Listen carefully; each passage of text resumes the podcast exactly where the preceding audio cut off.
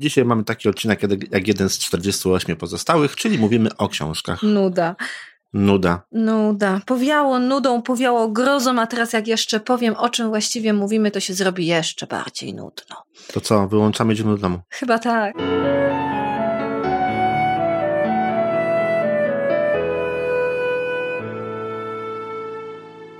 Witamy w 51. odcinku podcastu Co się czyta? Janna Furdal i Krystian Zych. Dzisiaj mówimy o, to jest nasz stały tekst, który zawsze pada. Tak, jak zwykle dzisiaj mówimy o czymś, bo zawsze o czymś mówimy. Nie zdarzyło się, żebyśmy. Nie, czasami nie my mówimy. Czasami nie my mówimy. A nie, czasami, czasami nie tylko my mówimy. A czasami nie mówimy o książkach. Chociaż to rzadko się zdarza.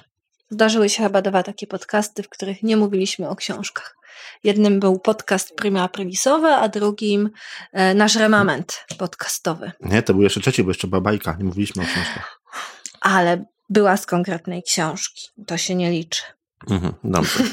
Dzisiaj mówimy o Polsce, a właściwie o książkach dla dzieci, które o Polsce opowiadają. I nie zawsze w taki sposób poważny, w jaki być może chcieliby o Polsce opowiadać nauczyciele historii z pewnym już stażem. Jest to temat ostatnio dosyć ciekawy, dosyć nośny, ale nie ukrywam, że też trudny. Dlatego tak długo się do niego zabieraliśmy, bo już jakiś czas temu mieliśmy ten temat na tapecie, a może na maja, z okazji właśnie świąt, żeby było tematycznie, ale w tym momencie okazało się, że jest to tematyka wymagająca naprawdę solidnego przygotowania się i takiego merytorycznego i poszukania przede wszystkim w tym zalewie książek, książek naprawdę wartościowych, z jednej strony ciekawych, nie przekłamujących historii, ale jednocześnie opowiadających historię Polski w sposób prosty, przeznaczony dla dzieci. I to wcale nie jest takie proste. Sam zresztą. No właśnie, okazało się, że wśród książek dla dzieci znalezienie książki, która jest właściwa dla dzieci, wcale nie jest takie oczywiste. Zazwyczaj zaczynamy od książek dla najmłodszych. Tak, zazwyczaj zaczynamy od książek dla najmłodszych, kończymy na książkach dla najstarszych. Tak, i tak Dzisiaj jest będzie tym razem. Tak samo. Dzisiaj będzie tak samo. Książek jak zwykle mamy dość dużo i bardzo różnorodne. Mhm, ten planowane 7 sztuk to niestety, ale legło mm. w gruzach. Osiem jest, nie jest tak źle. Książka, którą trzymam w ręku, jest y, przeznaczona dla najmłodszych. Jest to forma, którą ja osobiście uwielbiam. Krótka historia Polski, opracowana przez Zuzannę Szelińską z ilustracjami Diany Karpowicz. To wspaniały atlas map historycznych począwszy od Polski Piastów, następnie mamy za Władysława Jagiełły, również y, mapę ze Złotego Wieku. Możemy się dowiedzieć z kolejnej karty, jak wyglądała Polska pod zaborami podczas rewolucji przemysłowej, czasie dwudziestolecia międzywojennego, kiedy następowała odbudowa kraju i jak wygląda współcześnie. Jak sam powiedziałeś, jest to forma wyjątkowo e, urocza. Mapy są tak narysowane, jakby w sumie rysowały je dzieci. To jest taka bardzo przyjemna forma grafiki, ale jednocześnie dosyć prawdziwy. I tutaj w Polsce Piastów między innymi odnajdujemy grody, narysowane są również naczynia z tamtego okresu, czy broń. Tak, sprzęty domowe. Sprzęty Umiałabyś domowe. obsłużyć sierp w tej chwili? Tak. Jak byłam dzieckiem, to mój tata jakieś takie drobiazgi, które zostawały przy drzewach, jeszcze obkaszał sierpem. Nie było wtedy podkaszarek elektrycznych.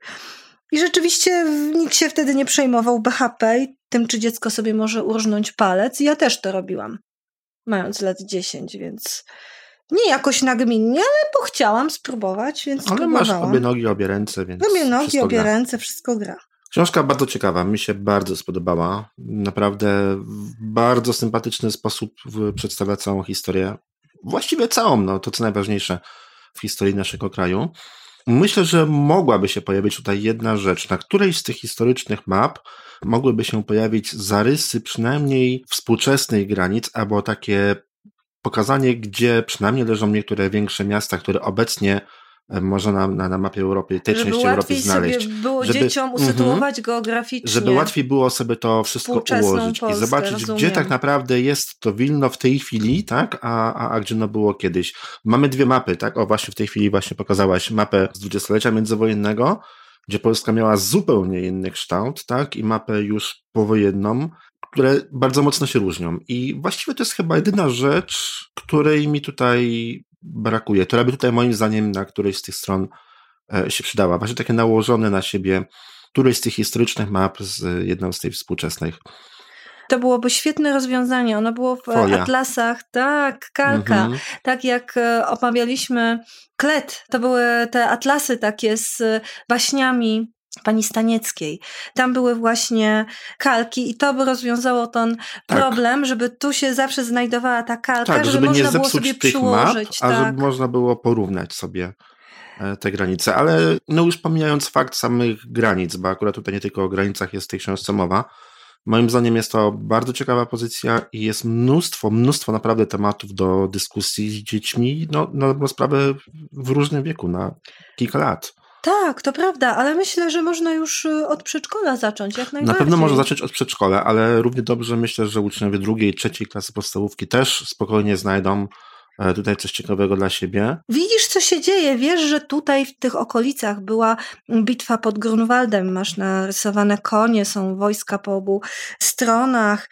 Mm, jest tutaj koronowanie, jest tutaj ktoś, kto wykuwa miecze. Kowalem go złom kowalem go zwą, tak? Ktoś tu poluje. Dziecko jest w stanie sobie wszystko, co się działo w tym momencie na tych ziemiach, doskonale uzmysłowić i wyobrazić, więc to jest świetna pożywka dla wyobraźni. Ja tak, oczywiście... i można przeprowadzić na przykład z dzieckiem jedną rozmowę czy, czy zabawę odnośnie używanych narzędzi, inną odnośnie broni, jeszcze inną odnośnie granic, jeszcze inną odnośnie czegoś innego. I tak naprawdę tematów tutaj jest po prostu multum. Jest tutaj nawet pieśń Legionów Polskich, chociaż y, co do tych zwrotek, pani, która pisała inną z książek przez nas omawianych, co do tej zwrotki może by miała jakąś wątpliwość, ale to będziemy dopiero omawiać. To później, bardzo, to później. bardzo później. Zdecydowanie, bo to już będzie książka dla dużo starszych dzieci, jak nie, nawet nie dzieci, bo dla mnie była trudna. Przyznaję się do tego. To ostatnia? Ta ostatnia, tak. No, zdecydowanie są to już trudne pozycje. Ale zanim dojdziemy, mamy jeszcze kilka dla trochę młodszych. I tutaj o pani, o której wspominałam przed chwilą, pani Zofia Stanecka, która napisała Nasza paczka i niepodległość o sześciu polskich świętach. Została zilustrowana przez Daniela de Latour i to jest wydawnictwo Egmont.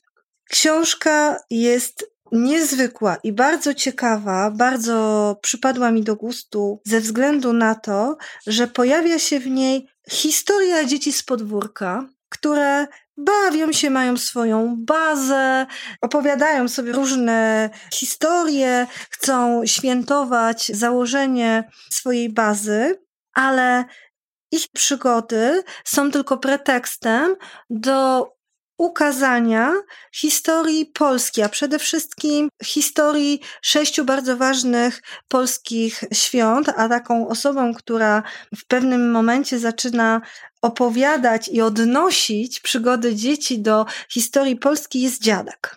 Dziadek, który siedzi sobie na ławeczce dziadek snuje swoją historię, a jednocześnie dzieci przeżywają własne przygody. I to mi troszeczkę skojarzyło się z... Z książką o teatrze. Tak, z książką o teatrze i tak. oprawach dzieci. Oprawa graficzna tej książki bardzo przypomina mi inne książki pana Kazdepkę, natomiast y, właśnie w tej chwili twoje słowa, bo przy tym jakoś nie zwróciłem na to uwagi, ale twoje słowa w tej chwili faktycznie skojarzyły mi się bardzo z książką o teatrze. Kto zgadnie, o której książce mówimy?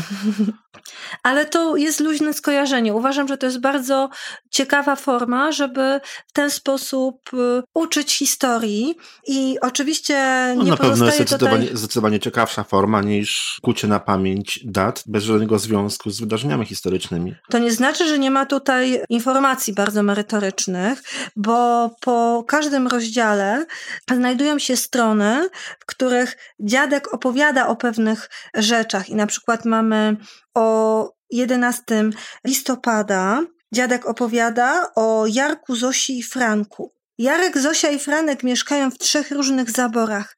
Ich tatusiowie, chociaż są Polakami, służą w różnych armiach zaborczych. Jarek mieszka w Poznaniu, jest Polakiem. Jego tata musi służyć w armii pruskiej i jest narysowany. Zosia mieszka w Warszawie, jest Polką. Jej tata musi służyć w armii rosyjskiej. Franek mieszka w Krakowie i jest Polakiem. Jego tata musi służyć w armii austriackiej. Jak to jest? Są Polakami, ale jednocześnie każdy służy innemu krajowi jako żołnierz. Jest to tak absurdalne, abstrakcyjne, ale jednocześnie dziadek przedstawia tą historię w taki sposób, Bardzo żeby była ona zrozumiała, Mhm, była zrozumiała, tak. Tutaj przypomina mi kogoś innego, kto jest bardziej kudłaty, ale o tej książce O tym za chwilę. o tej książce za chwilę. I kolejnym świętem jest y, święto 1 maja, czyli święto pracy. Znowu mamy przygody dzieci, właściwie rozmowy i opowieści dziadka. Następnie dziadek znowu opowiada o różnych rzeczach związanych z świętem pracy. Kiedyś ludzie pracowali w domu lub w niewielkich warsztatach rzemieślniczych. Z czasem warsztaty przekształcały się w większe zakłady zwane manufakturami. Zatrudniano w nich więcej osób i wytwarzano więcej przedmiotów, które docierały do coraz większej liczby ludzi. Wynajdowano nowe, ułatwiające życie urządzenia. Z czasem, na przykład pranie na tarze, zastąpiono pralką. Ale nie zawsze tym robotnikom, jak się okazuje, dobrze się żyło. Bardzo często żyli w wyjątkowo podłych, uwłaczających warunkach. I dziadek opowiada o tym, jak się robotnicy zaczęli buntować, jak to organizowali strajki i demonstracje. Dowiadujemy się na przykład, że Józef Piłsudski w partii miał pseudonim Wiktor, był pierwszym redaktorem, wydawcą i kolporterem tajnego pisma pod tytułem Robotnik. I dużo, dużo takich właśnie informacji, gdzie pewne rzeczy stają się zwyczajnie takim pretekstem do opowieści. Myślę, że to jest chyba najlepszy sposób nauki. Mamy tu opowiadanie Dzień Pelerynki gdzie dzieci mają specjalne pelerynki i w nich chodzą, staje się pretekstem do opowieści o Dniu Flagi. Książka opowiada o tym, dlaczego świętujemy 11 listopada, 1 maja, 2 maja, 3 maja, 4 czerwca i 15 sierpnia. Zapraszamy do zapoznania się z tą trudną do wypożyczenia pozycją. Jest w niektórych bibliotekach, przynajmniej w jednej w Poznaniu. Oddaj ją potem, żeby ktoś mógł No. wypożyczyć. Oddam ją, aczkolwiek nie wygląda na jakoś specjalnie zużytą. Nie, zużyte rzeczywiście nie jest, a szkoda, bo to naprawdę ciekawa książka. Myślę, że dla dzieci w wieku przedszkolnym i wczesnoszkolnym. Na pewno historie zabaw dzieci na podwórku nadają się już dla przedszkolaków. A jeżeli chodzi o te opowieści dziadka. Tą część bardziej historyczną to już dla trochę starszych, dla No trochę 7-8 starszych, myślę. zdecydowanie, Mhm. ale myślę, że może to być taka książka, z którą też dzieci będą rosły i będą mogły do niej wracać zwyczajnie w świecie. Opowieść o żołnierzu bardzo niezwykłym, Kudłatym. Kudłatym, kudłatym i jakże uroczym. Mówimy tutaj o Wojtku. Wojtek, podobnie jak Kubuś Puchatek, jest celebrytą, jest niedźwiedziem bardzo znanym. No może nie aż tak bardzo jak Kubuś Pochatek. Nie aż tak bardzo, ale napisano już o nim kilka książek i ta, którą mam w ręku, nie jest jedyną, ale tylko tą przyniosłam. No ale jest, No, jest pewnie chciałaś. E, Tak, wiem. Wiem, że, że masz tą drugą również i ona też jest bardzo, bardzo ciekawa, ale no przede wiesz, wszystkim pierwszą, drugą tych jest w ogóle tych książek dosyć duża akurat. musimy się na coś zdecydować zawsze. Mhm. A w tym momencie, jeżeli będziemy też opowiadać e, tą samą historię w innych książkach, To musielibyśmy zrobić odcinek o Wojtku. Tak, musielibyśmy zrobić w ogóle odcinek o niedźwiedziach, o słynnych niedźwiedziach. Chciałam powiedzieć, że Wojtek jest lepszy niż Kubuś Puchatek, bo jest prawdziwy. No, konkretny argument. Tak. Wojtek, żołnierz bez munduru. Ta pozycja akurat została napisana przez Elizę Piotrowską, wydawnictwo Święty Wojciech. I od razu mówię, dlaczego też akurat ta, bo są dwa powody. Pierwszym powodem jest to, że ta książka jest dla nieco młodszego czytelnika. Prawda jest taka, że dzisiaj mamy głównie jednak dla starszych. No wreszcie, zawsze mieliśmy tylko dla małych dzieci. Tak, ale mamy takie bardzo poważnie merytoryczne pozycje, więc y, chciałam, żeby tutaj znalazła się również taka bardzo przyjemna opowieść, bo jest to bardzo miła opowieść z perspektywy samego niedźwiedzia. A drugim powodem było to, że jest to książka wydawnictwa Święty Wojciech. Bardzo często, nie chcę tu mówić źle absolutnie, kojarzyły mi się tu książki wydawane przez Świętego Wojciecha bardzo długo, z delikatnie rzecz ujmując, niezbyt ciekawą grafiką. I coraz częściej w tym wydawnictwie książki dla dzieci uzyskują naprawdę piękną formę. I to jest jedna z tych przepięknie zilustrowanych książek dla dzieci, aż po prostu chce się ją wziąć do ręki. Jeżeli chodzi o panią Elizę Piotrowską, to znam ją z serii e, o świętych. Ale jednocześnie jest to taka seria nie dość, że pięknie ilustrowana, to są to tacy święci prawdziwi. Ja czytałam świętego Mikołaja, gdzie to jest ten święty Mikołaj, przeciwstawiony temu Mikołajowi komercyjnemu w takim bardzo ciekawym, wierszowanym tekście. Książka Wojtek, żołnierz bez y, munduru, opowiada historię niezwykłego niedźwiedzia. No właściwie książka opowiada historię z perspektywy, z perspektywy tego, niedźwiedzia. Z perspektywy tego niedźwiedzia, ponieważ tak. to on sam ją opowiada, będąc już w zoo. Niedźwiadek jest niezwykłym niedźwiadkiem i nie urodził się w Polsce chociaż twierdzi, że czuł się Polakiem. Byłem głodny i słaby. Irański chłopiec, który przyniósł mnie w jutowym worku, też był głodny i słaby, dlatego oddał mnie polskim żołnierzom za tabliczkę czekolady, puszkę z mięsem i szwajcarski nóż. Gdyby nie Polacy, musiałbym tańczyć na jarmarkach, jak niektóre niedźwiedzie. Nie myślcie sobie, że te niedźwiedzie tańczą z radości. Te niedźwiedzie tańczą, bo muszą. Mają nosy przebite metalowym kółkiem, do którego przymocowany jest łańcuch. Treser ciągnie za łańcuch i woła: Oto najweselszy ze wszystkich niedźwiadków. Tańczy od rana do wieczora, podskakuje aż miło. Ten niedźwiadek jest bardzo smutny. Jeśli podskakuje, to nie z radości, lecz z bólu. I to takie prawdziwe przedstawienie, czym były tak naprawdę przynoszące tyle uciechy ludziom tańczące niedźwiedzie. Może niewielu sobie z tego nawet zdaje sprawę, jak zmuszano zwierzęta do tego, żeby robiło to, czego chce treser, ale pan Piotr Prędysz, który był Polakiem, nie do końca sobie zdawał sprawę z tego, komu zapewnia dom, bo przecież malutki niedźwiadek szybko przestanie być malutkim niedźwiadkiem. I oczywiście wydało się, i major Chełmiński wykrył obecność nietypowego elementu przyrodniczego na terenie obozu. No wiesz, trudno jest nie zauważyć niedźwiedzia. tak, ale ten niedźwiedź był bardzo mały i dosyć psotny, ale jak tu sam niedźwiadek opowiada, i być może rzeczywiście tak było. Oparłem przednie łapki na jego kolanach, chciałem na ręce, jak każde dziecko. No przytul, nie przytul. Zrozumiał. Łagodny jest, zauważył. Już nie był zły. Chodziło o to, że niedźwiadek po prostu zrobił takiego kota ze Szreka i major Chełmiński zdecydował się na to, żeby niedźwiedź został z nimi w obozie. Okazało się, że nawet z tego tytułu Piotr Prędysz dostał własny namiot, co było nie lada wyczynem w obozie, żeby spać samemu, no bo w końcu został ojcem, musi się zaopiekować małym Wojtkiem.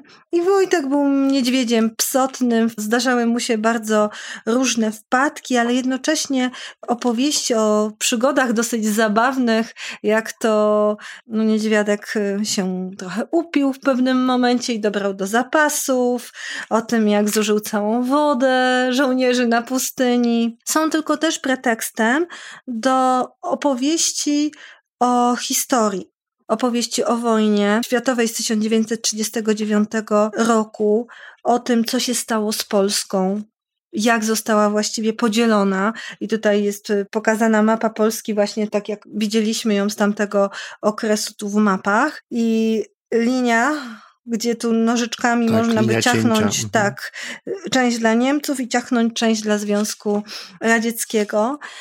może jest to bardzo proste, ale w taki sposób chyba trzeba też dzieciom opowiadać o historii. No akurat historia tamtego okresu była bardzo zagmatwana, więc opowiedzenie Dokładnie. tego w inny sposób myślę, że byłoby już zbyt trudne.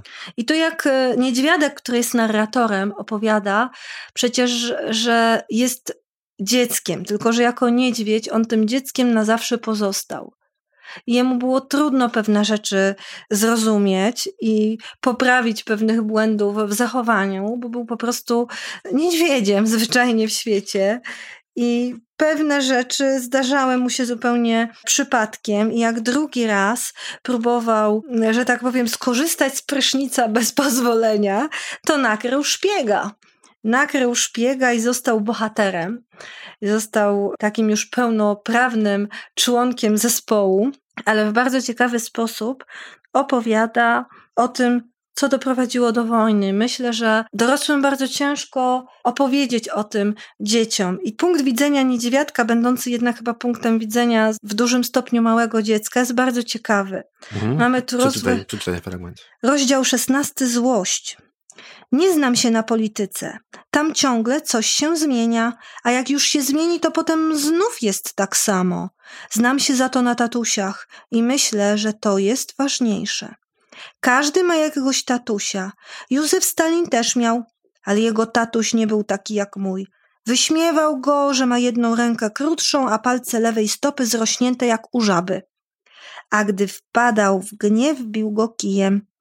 Adolf Hitler nie miał wiele lepiej. Jego tatuś też bardzo często się złościł.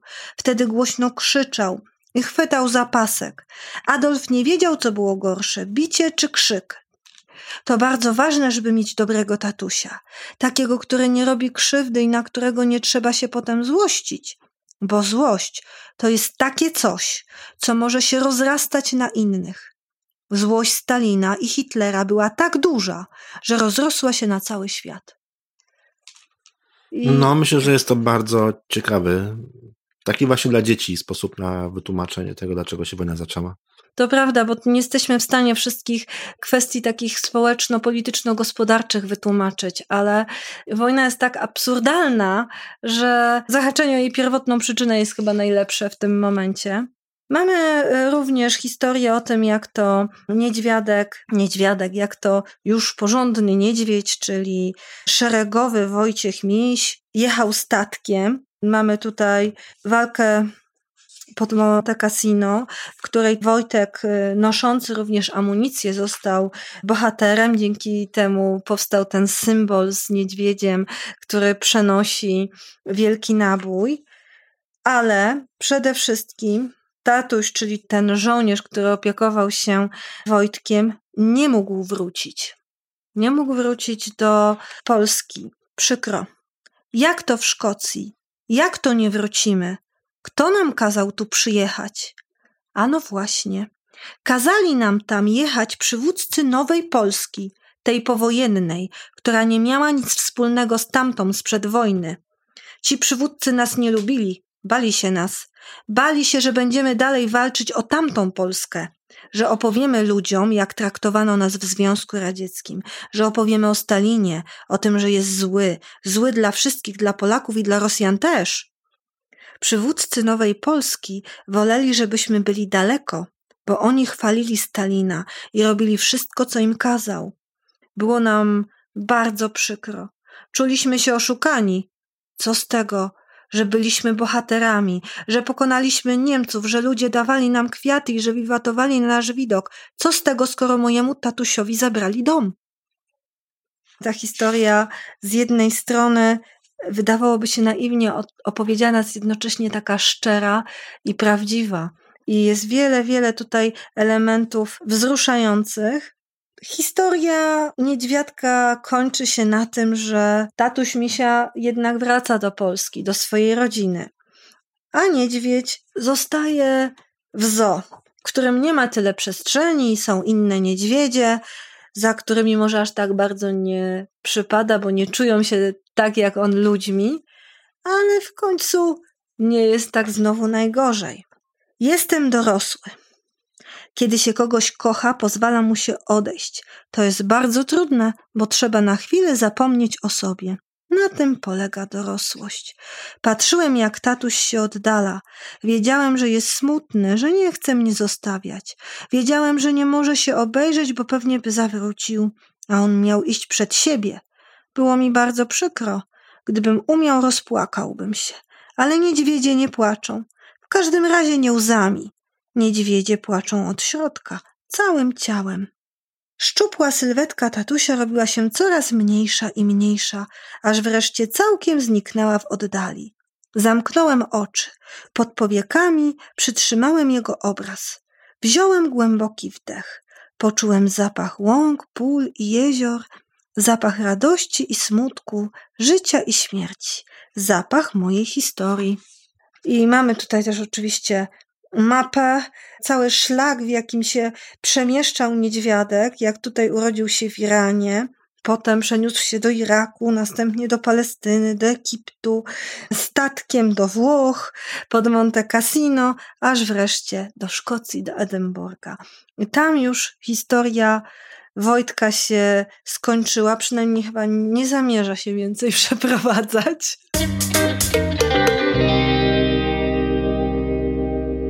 Jest książka, którą prawie przegapiłem w bibliotece. O, mamy teraz Jest tak wielka, tak gruba, normalnie format taki, że jakby ktoś nie dokleił na krawędzi tytułu. Stowarzyszenie Nasza Historia mu humor. To bym przegapił. Tak, jest to malutka książeczka w takim formacie, jak wydaje się płyty. No, ona jest tak ze dwa centymetry większa chyba od płyty. Ale na grubość to takie prawie jak cienkie pudełko płyty. To prawda. Jest to książka Luneta Czasu i Konstytucja 3 maja Katarzyny Ostrowskiej Książka, właściwie opowiadanie. Opowiadanie, opowiadanie, które zaczyna się od tego, że dzieci znajdują skarb. Tym skarbem jest Nie, nie Luneta. zaczyna się od tego, że dzieci chcą zakopać swój skarb. I kopiąc dziurę, żeby zakopać swój skarb, czyli kapsułę czasu, tak, odkrywają nowy skarb. inny skarb. Dobrze, niech ci będzie. Jest to zamiana skarbu na inny skarb, ale luneta okazuje się mieć e, moc magiczną i ma przenosić mm, w czasie. I rzeczywiście dzieci przenoszą się w czasie do roku 1791. Sprawdzasz, czy mam czytać do grągami? Umiem.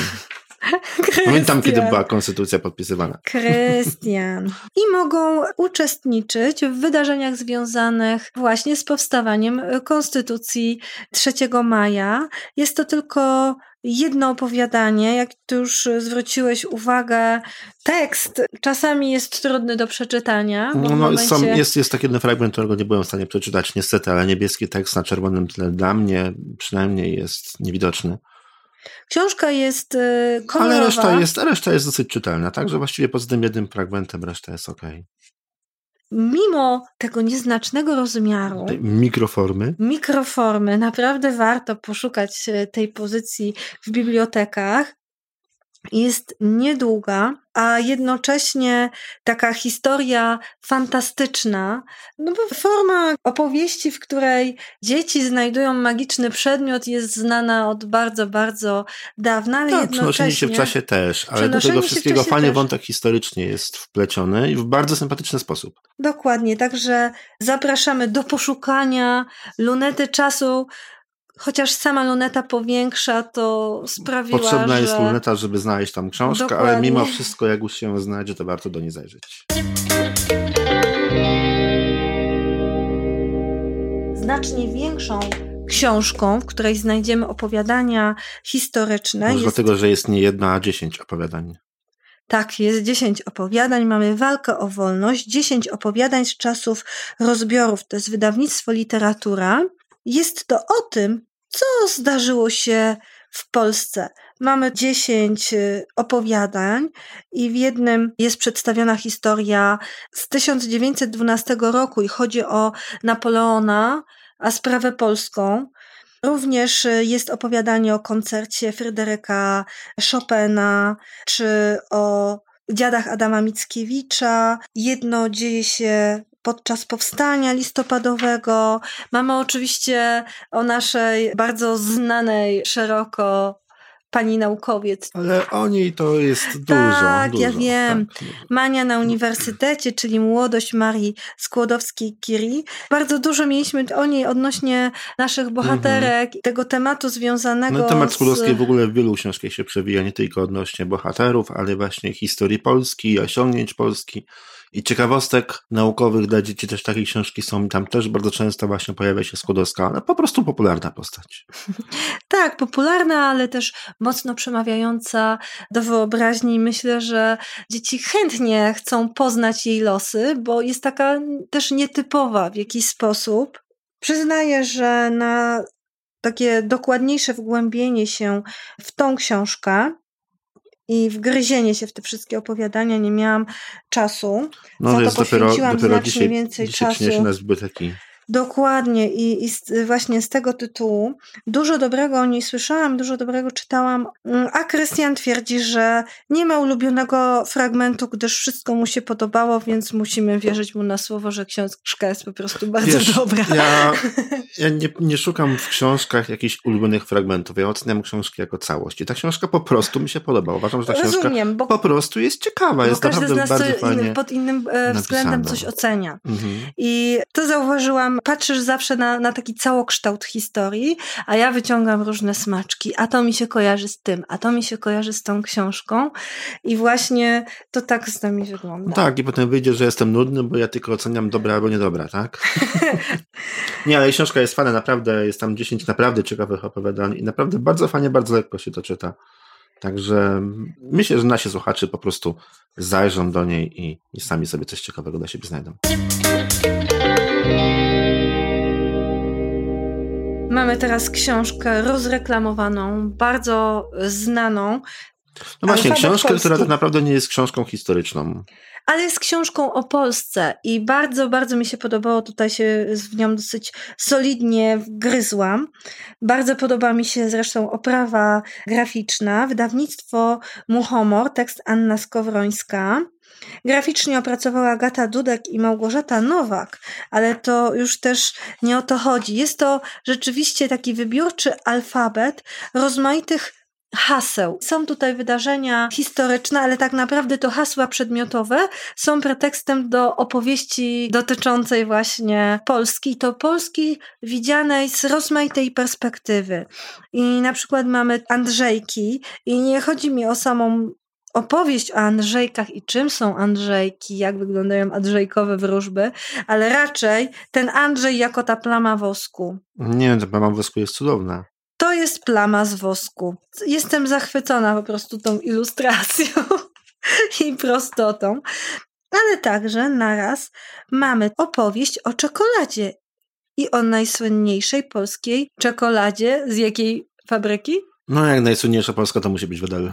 Wedel, dokładnie. I mamy krótką opowieść również o wedlu i bardzo łakomych panów na czekoladzie, ale także Gdzie można o... być łakomym na czekoladę?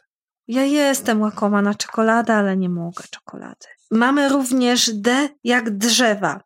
I nagle pojawia się tutaj również opowieść o dębie Bartku i wspomnienie o tym, że była legenda, która dotyczyła tego dębu. Ale także mamy E jak emigracja. I właściwie co to była emigracja? Dlaczego Polacy emigrowali?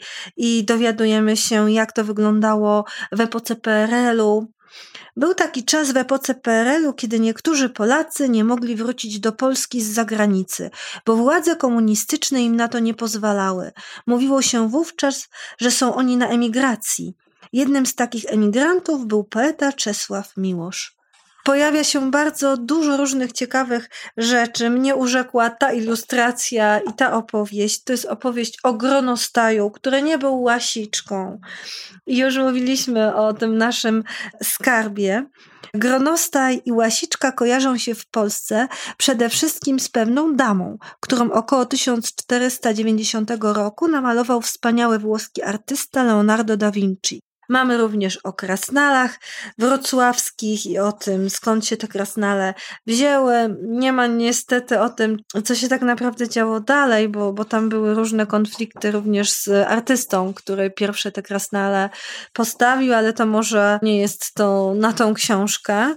Mamy oczywiście N jak noblistka i nasza ulubiona noblistka Maria Skłodowska-Curie, ale naraz pojawia się również Noc Świętojańska i tutaj mam takie skojarzenie trochę jak z buntowniczkami, że z jednej strony skaczemy po tematach, w takim po pozytywnym znaczeniu mydło, szydło i powidło, tak? Tak, dokładnie w pozytywnym mhm. znaczeniu mydło i powidło, gdzie tutaj na tej jednej stronie mamy tą krótką opowieść pod hasłem mhm. i opatrzoną ilustracją, ale to jest taka forma, która nie nudzi. Dlatego można dowiedzieć się o jednej rzeczy i po prostu przejść do następnej. Nie wałkujemy tego tematu dalej. Bardzo mi się podoba gołąb maszerujący z orłem białym. O tym orle białym za chwilę dużo więcej, więc nie będziemy zatrzymywać się na tym haśle. Ale to, co zwróciło moją uwagę, to fakt, że z jednej strony te hasła są e, merytorycznie przygotowane.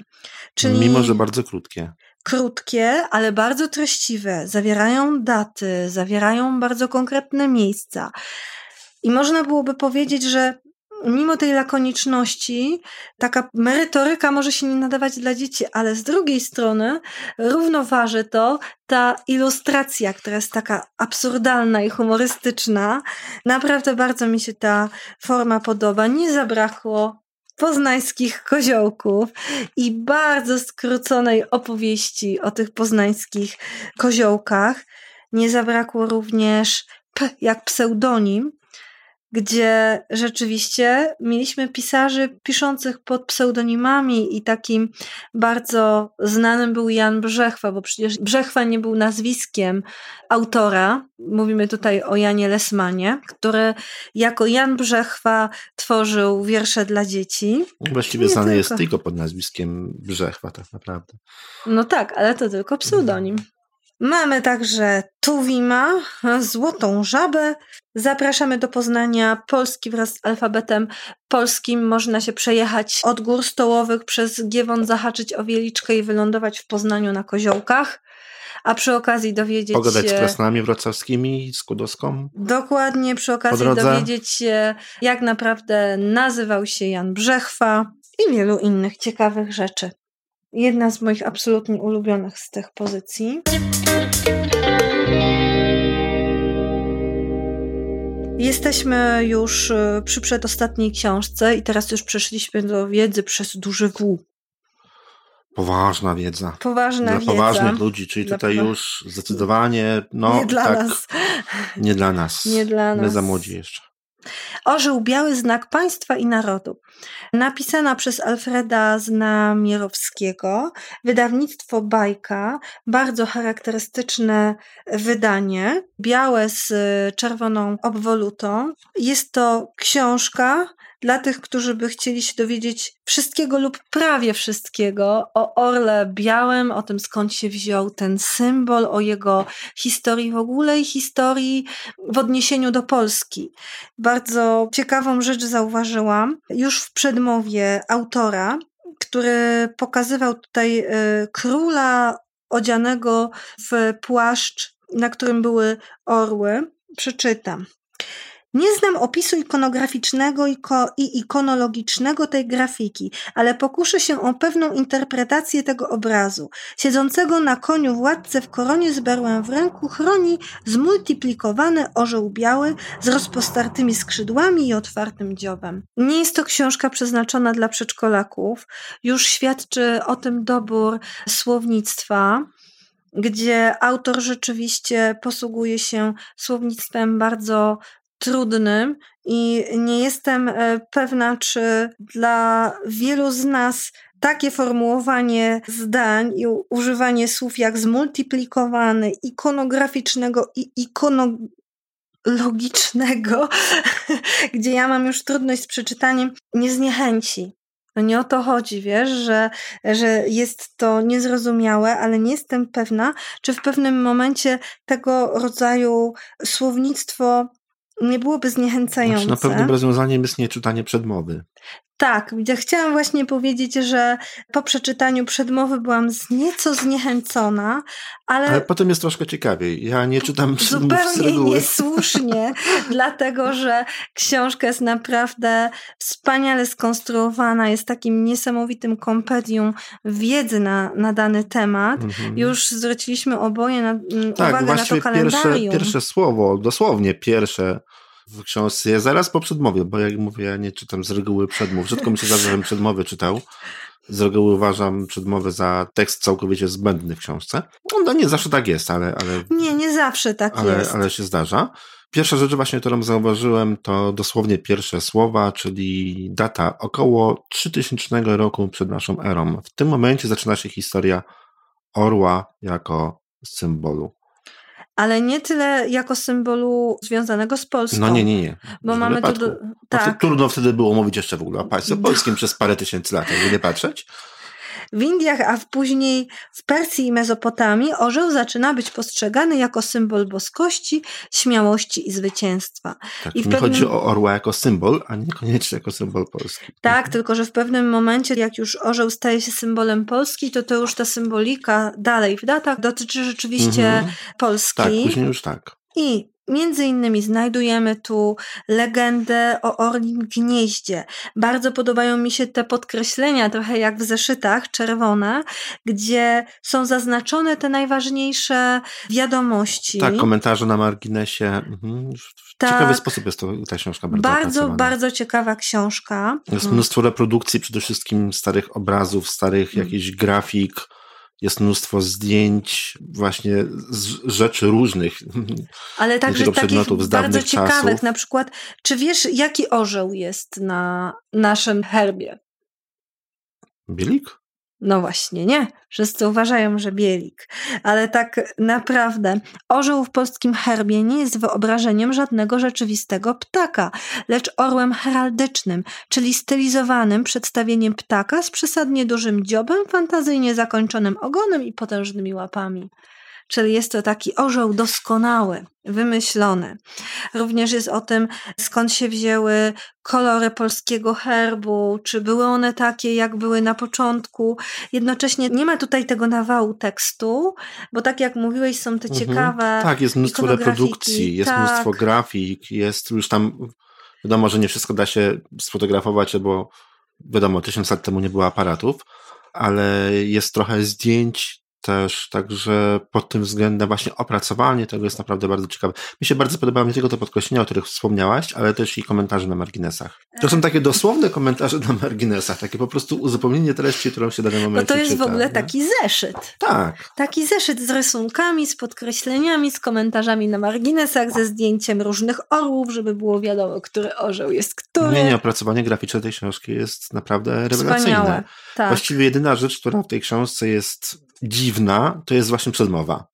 Wiesz, jaka jest różnica między godłem a herbem? Bo wydaje mi się, że większość Polaków to myli. No i fajnie, bo ty teraz czytasz i wyjdziesz na mądrą, a ja teraz nie widzę tekstu do góry nogami. Ale ja to już wcześniej przeczytałam, więc możesz powiedzieć, że mądrość jest nabyta. Chodzi o to, że godłem jest sam orzeł. To jest tarcza i jeżeli mamy godło na tarczy, to w tym momencie mamy już herb. Więc to, co my nazywamy godłem bardzo często orła na tarczy, godłem nie jest, gdyż godłem jest sam orzeł. I teraz widzę naszych słuchaczy. A. Nie, nie sądzę. o, ale to było bardzo ciekawe. Ja tego sama nie wiedziałam. Nie, ja też nie. No widzisz, dlatego taka byłam zadowolona, że się dowiedziałam. Wiesz, bo, bo to nie takich rzeczy nas w szkołach uczą tak naprawdę. Chciałam powiedzieć, że to jest świetna książka nie tylko do domu, bo ja bym ją chętnie sama kupiła do domu, ale jest to też przede wszystkim dobra książka do biblioteczki szkolnej.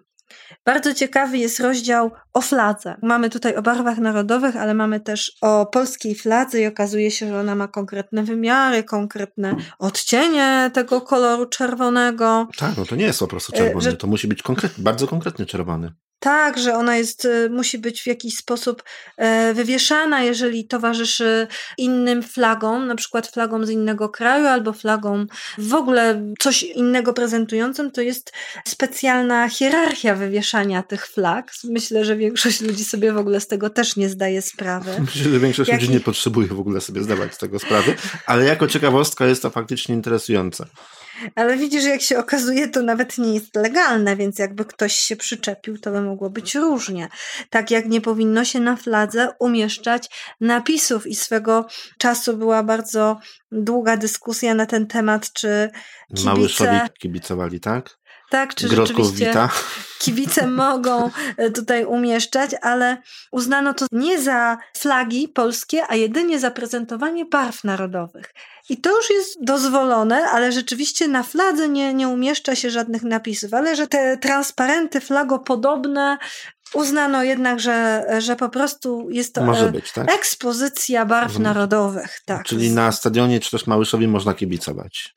Tak. Dobrze. Tak, jak najbardziej. Mhm.